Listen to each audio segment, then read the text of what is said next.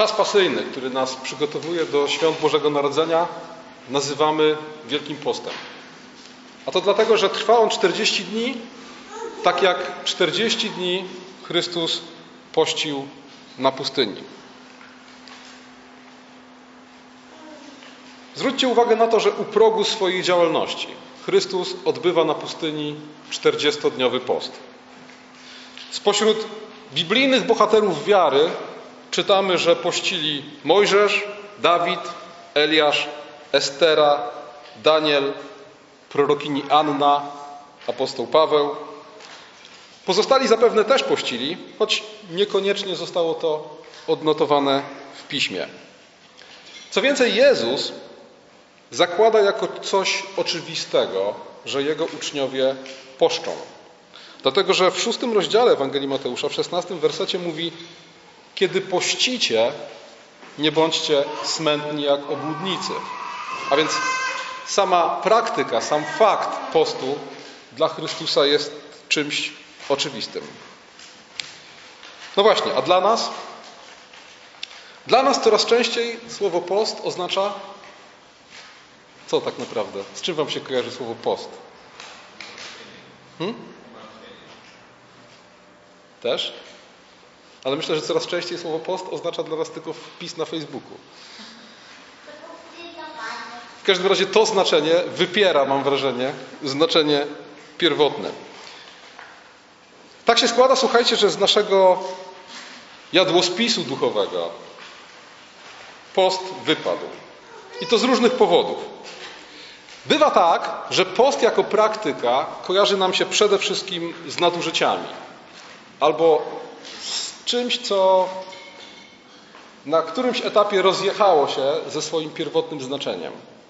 Na przykład kojarzy nam się post z kompletnie pustym rytuałem niejedzenia mięsa w piątek.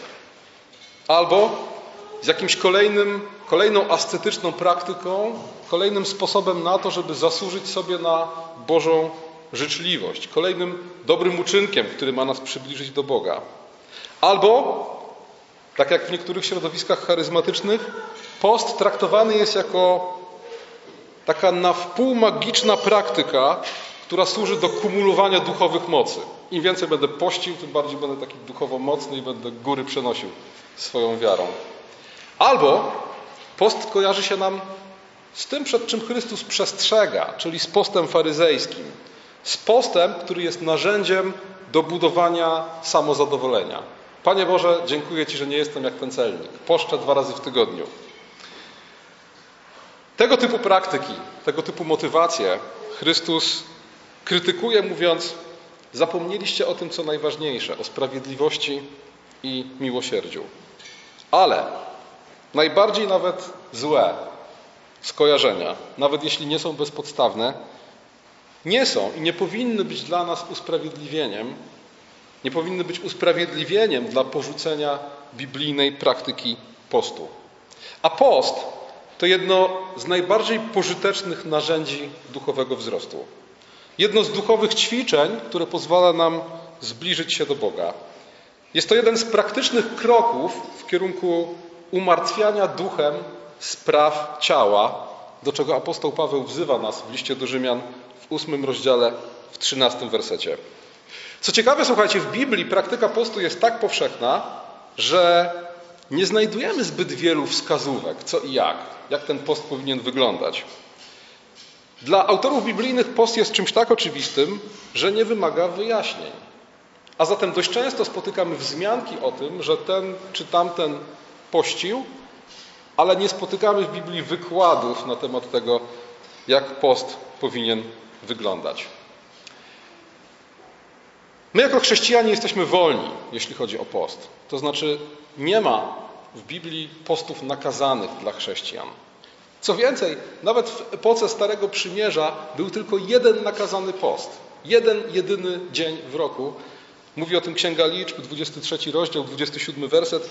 To był dzień pojednania i w dniu pojednania Izraelici poprzez post mieli wyrażać swój żal za grzechy. Ale zwróćcie uwagę na to, że to był jeden, jedyny dzień.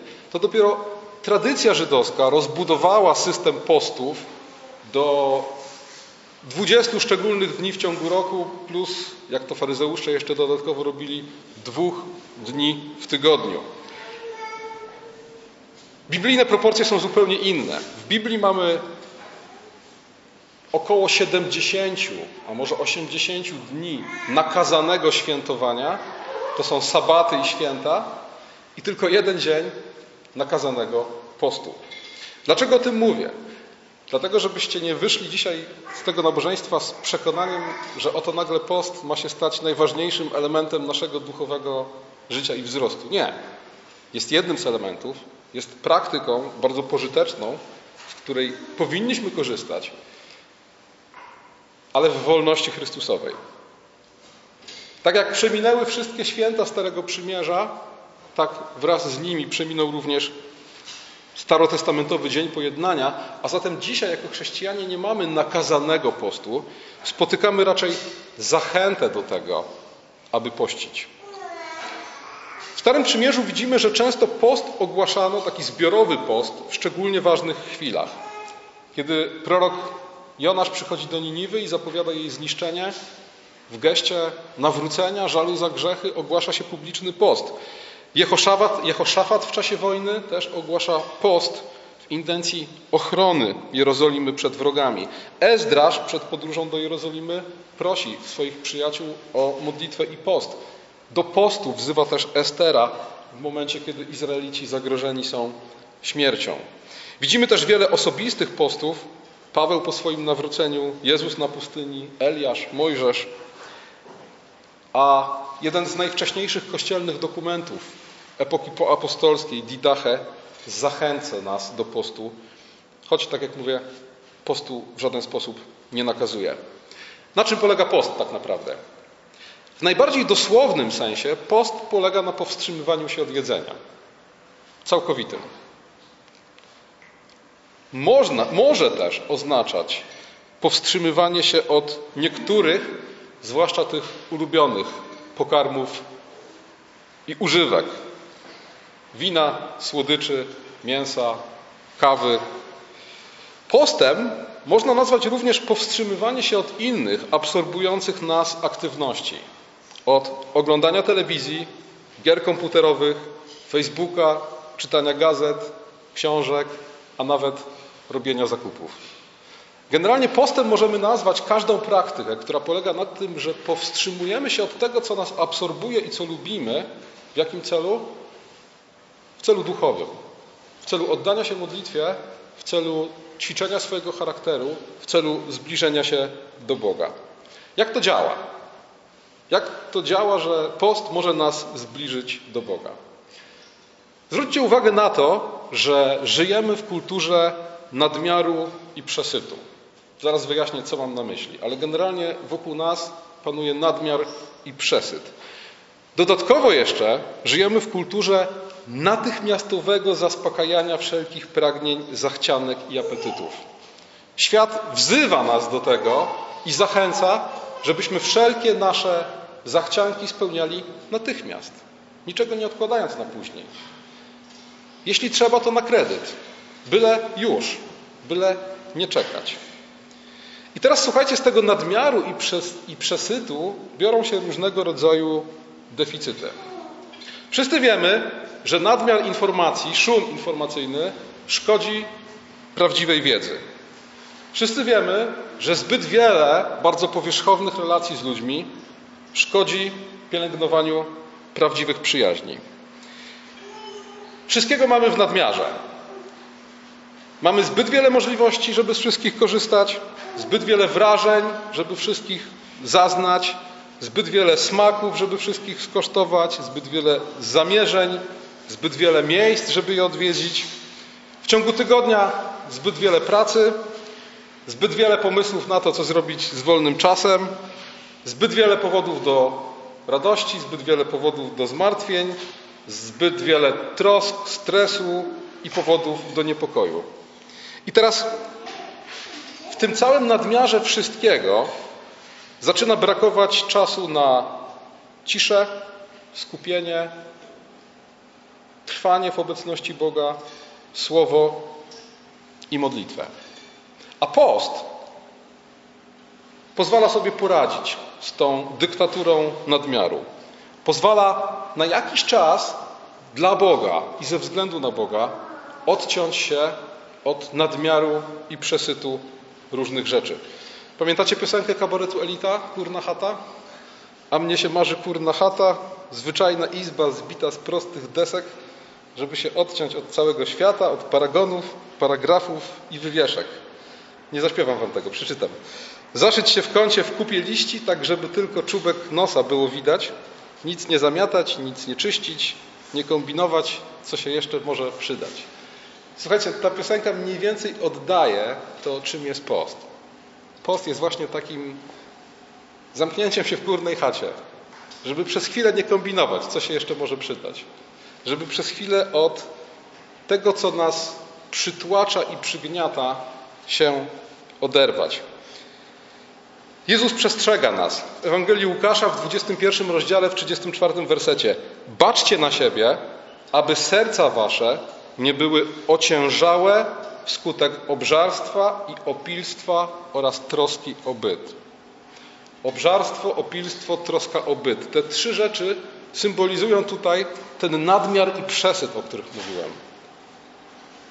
To jest nadmiar i przesyt nie tylko dobrych rzeczy, ale też złych. Tak? Tych właśnie wszystkich z jednej strony radości, z drugiej trosk. Z jednej strony pragnień i porządliwości, z drugiej tego wszystkiego, czym próbujemy je zaspokajać. Chrystus przestrzega nas, mówiąc, że to wszystko może skutkować duchową ociężałością. A duchowa ociężałość polega na tym, że tracimy z oczu Chrystusa, tracimy z oczu wieczność. Nie mamy czasu na modlitwę, na słowo, na bycie blisko Chrystusa, nie odczuwamy Jego obecności w życiu, bo zaabsorbowani jesteśmy obżarstwem, opilstwem, troską o byt. Zaabsorbowani jesteśmy tym wszystkim, co nas otacza, tym wszystkim, co nas pochłania. Nadmiar rodzi ociężałość, a post pomaga się pozbyć jej, odzyskać ten szczelnie zagospodarowany czas i przestrzeń, przywrócić właściwą hierarchię spraw. Zdjąć na chwilę ciężar zbyt wielu trosk, doznań i radości. Powstrzymując się przed jakiś czas od takich prostych rzeczy jak jedzenie, czytanie gazet, przeglądanie stron internetowych, słuchanie radia, picie kawy, jedzenie słodyczy, doświadczamy pewnego braku, pustki, którą wypełnia obecność Chrystusa. Doświadczamy głodu, który tylko Chrystus może zaspokoić. I w tym sensie post pozostaje narzędziem walki z duchową ciężałością. Oczyszcza.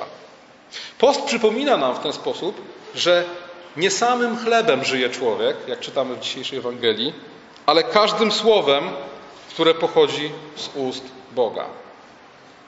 Przypomina nam o tym, że nie żyjemy chlebem, nie żyjemy tymi codziennymi radościami i troskami, żyjemy słowem, które pochodzi z ust Boga.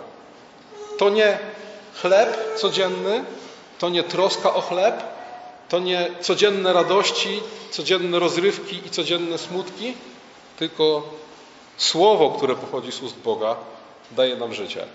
Trzeba zrobić miejsce dla tego właśnie słowa. Trzeba odrzucić na chwilę to, co sprawia, że nasze serca są ociężałe w przyjmowaniu słowa. Post okazuje się też pomocnym narzędziem we wzrastaniu w samokontroli. Księga Przypowieści, 25 rozdział, 28 werset czytamy: Człowiek nieopanowany jest jak miasto ze zburzonym murem.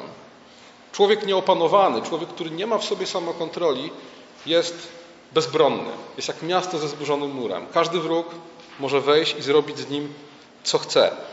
Post uczy kontrolować pragnienia i apetyty.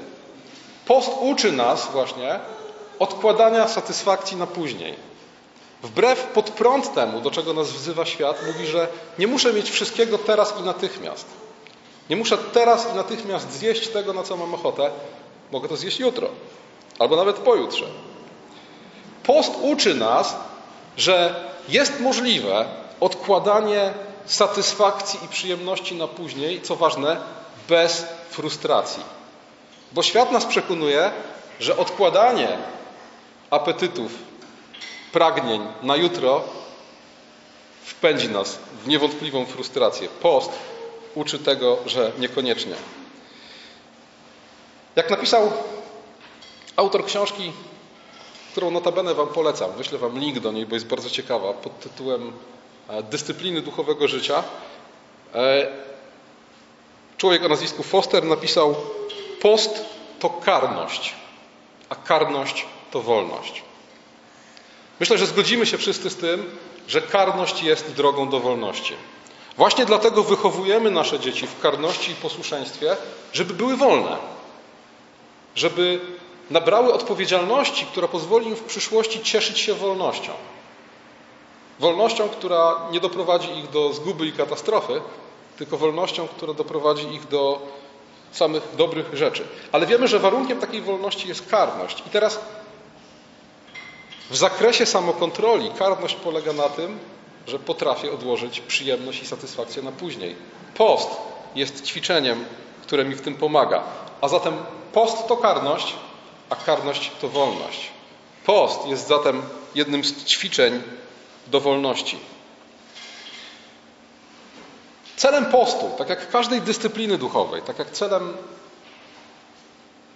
rozważania pisma czy modlitwy, jest uwolnienie się od skoncentrowania się na sobie, na swoich pragnieniach, oczekiwaniach, apetytach, po to, żeby skoncentrować się na Bogu. Ktoś kiedyś pytał, dlaczego tak jest, że ludzie są tak bardzo skoncentrowani na sobie? Dlatego, że są tak mało skoncentrowani na Bogu. Żeby zrobić miejsce dla Boga, trzeba czasem ogłosić post. Trzeba czasem odłożyć te wszystkie rzeczy, które nas absorbują. Celem postu jest, jak pisał Bonhoeffer w naśladowaniu, zwiększenie gotowości. Egoistyczna i niemrawa wola zostaje poddana chłoście. Syte ciało niechętnie się modli i nie garnie się do pełnej wyrzeczeń służby. I tutaj przychodzi nam na myśl zapewne słowa Chrystusa, który do uczniów, którzy zasnęli w ogrodzie oliwnym mówi: Duch wprawdzie ochoczy, ale ciało słabe, dlatego czuwajcie i módlcie się. Duch jest ochoczy, ciało słabe. Jeżeli nie chcecie, żeby słabe ciało zdominowało ochoczego ducha, jeżeli chcecie wzmocnić ochoczego ducha i osłabić wpływ ciała, czuwajcie i módlcie się, a post jest jedną z form czuwania. Opór ciała pokonujemy przez to, co apostoł Paweł w liście do Tymoteusza nazywał ćwiczeniem się w pobożności, poprzez praktykowanie duchowej dyscypliny, a robimy to poprzez modlitwę, słowo, ale też post. A zatem, jeśli widzimy, że słabniemy, jeśli widzę, że słabnę, że ciało bierze w moim życiu górę nad duchem, jednym ze sposobów, aby sobie z tym poradzić, jest pościć, ogłosić post. Oczywiście pościmy nie dlatego, że rzeczy, od których się powstrzymujemy, jedzenie, wino, kawa, gazety czy cokolwiek innego są złe. Wręcz odwrotnie. Post ma jakąkolwiek wartość właśnie dlatego, że rezygnujemy z tego, co dobre, żeby zrobić miejsce dla tego, co jeszcze lepsze.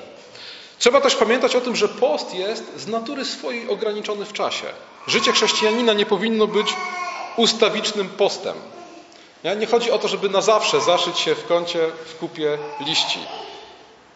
Na co dzień powinniśmy być oddani naszej służbie, aktywni, a zarazem powinniśmy cieszyć się tym wszystkim, co Bóg nam daje, wszelkimi radościami i przyjemnościami życia. Ale post sprawia, że smakują one lepiej. Post to przerwa w codzienności, która pozwala nam tą codzienność lepiej smakować. A zatem post to narzędzie wzrostu w duchowej dyscyplinie. A duchowa dyscyplina jest tym, czego potrzebujemy jak powietrza. Bo właśnie duchowa dyscyplina pozwala nam robić właściwe rzeczy we właściwym czasie, zamiast kierować się na co dzień aktualnie odczuwanymi pragnieniami i zachciankami. Post osłabia mdłe ciało i jego wpływ na moje życie i postępowanie, a wzmacnia ochoczego ducha.